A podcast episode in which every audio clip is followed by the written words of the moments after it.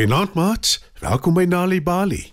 Vanaand se storie, Kom ons ruil om, is geskryf deur Wendy Hartman.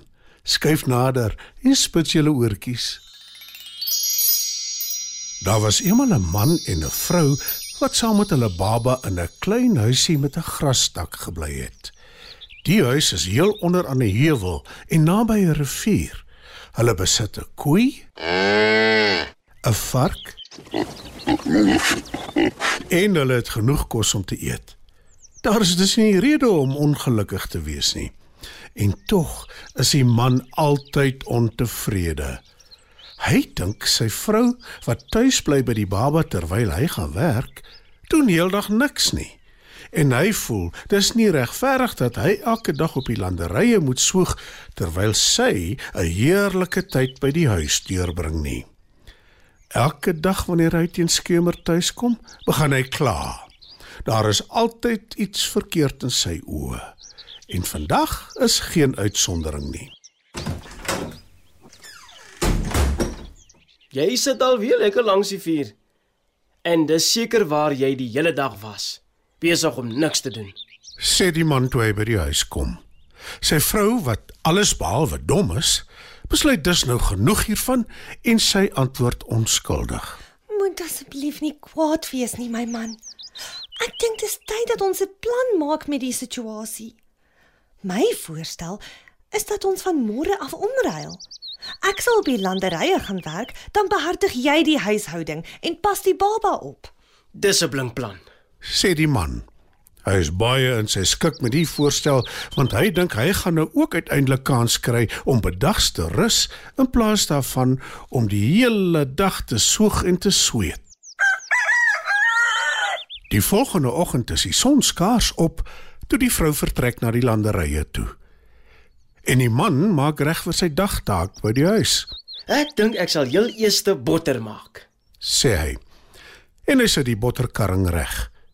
Toe gooi hy room daarin en begin die handvatsel te draai. Sy arm is naderhand lam en hy sê Ah, die werk maak my nou dors. Ek gaan eers gou iets kry om te drink. hy gaan buite toe waar daar 'n groot vat is met heerlike koel water. Maar net toe hy die kraan van die vat oopdraai om vir hom water te skink, sien hy hoe die vark in die huis inloop. Ag nee. Die vark sal die botterkarring omstamp en die room op die vloer mors. sê die man, want hy het nooit die karring toegedraai voordat hy kom water kry het nie. Maar dis te laat, want toe hy in die kombuis kom, het die vark klaar die karring omgestamp en alles het op die vloer beland. Hy jaag die vark uit die huis en terug na sy hok waar hy die hek styf toemaak. Die man gaan terug na die vat met die water, maar omdat hy vergeet het om dit toe te draai, is dit nou dol leeg getap. Ag nee, ek is nog steeds dors en ek moet sorg vir nog room om botter te maak vir ons aandete. sê die man. Hy maak die botterkarring weer vol room, maar toe onthou hy skielik van die koei. Sy het vandag nog nie 'n druppel water gehad nie. Ja, Die koei het ook nog nie geëet nie. En dis nou te laat om haar uit te vat na die veld toe om te wei. En dit gaan ook te lank vat vir die watervat om weer vol te tap. Wat nou gemaak? sê die man. Hy dink 'n ruk en skielik kry hy 'n blink gedagte. Ek weet. Oh, so ek kan van die gras op ons dak eet en ek sal water uit die rivier gaan haal. Probleem opgelos. sê hy. Toe vat hy 'n emmer om te gaan water haal by die rivier. Maar intussen het die baba begin huil.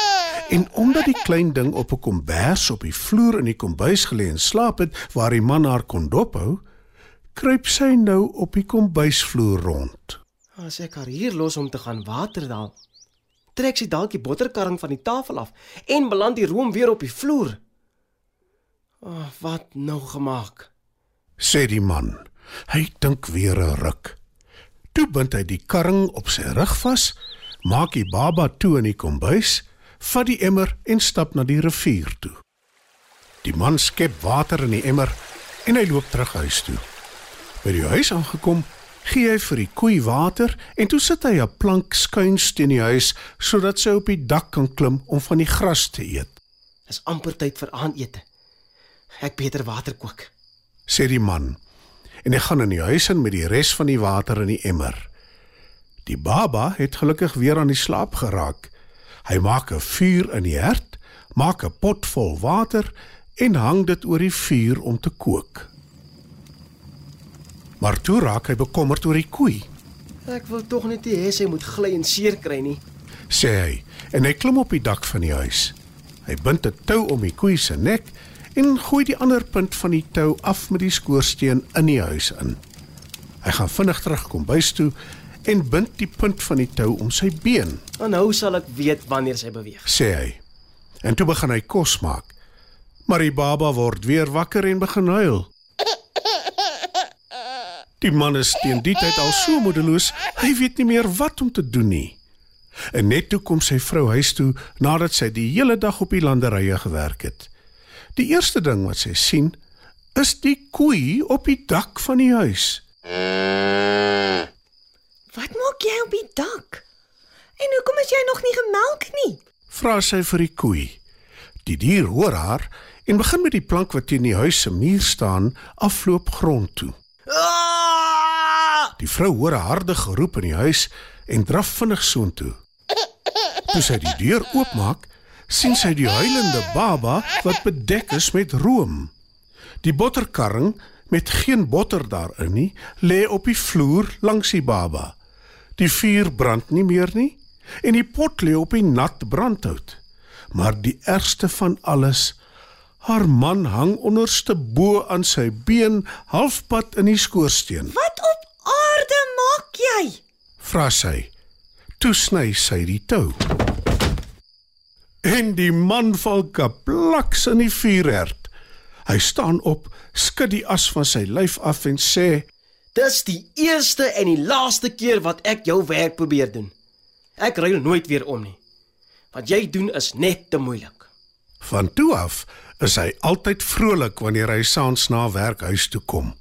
En hy kla nooit weer en sê sy vrou doen die hele dag niks nie. Dit was dan nog 'n Nali Bali storie. Kom ons ruil om is geskryf deur Wendy Hartman.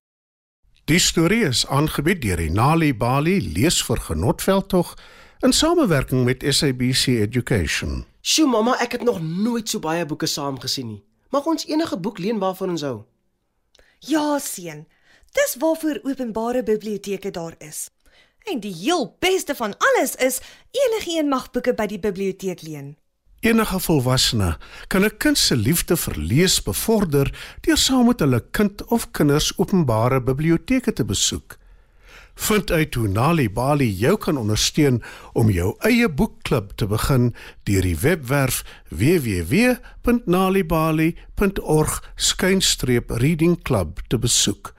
Nali Bali. Dit begin met 'n storie.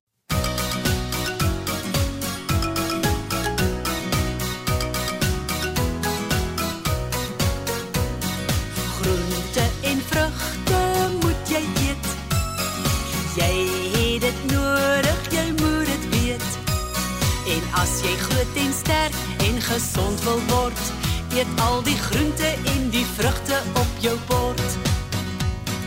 Groente en vrugte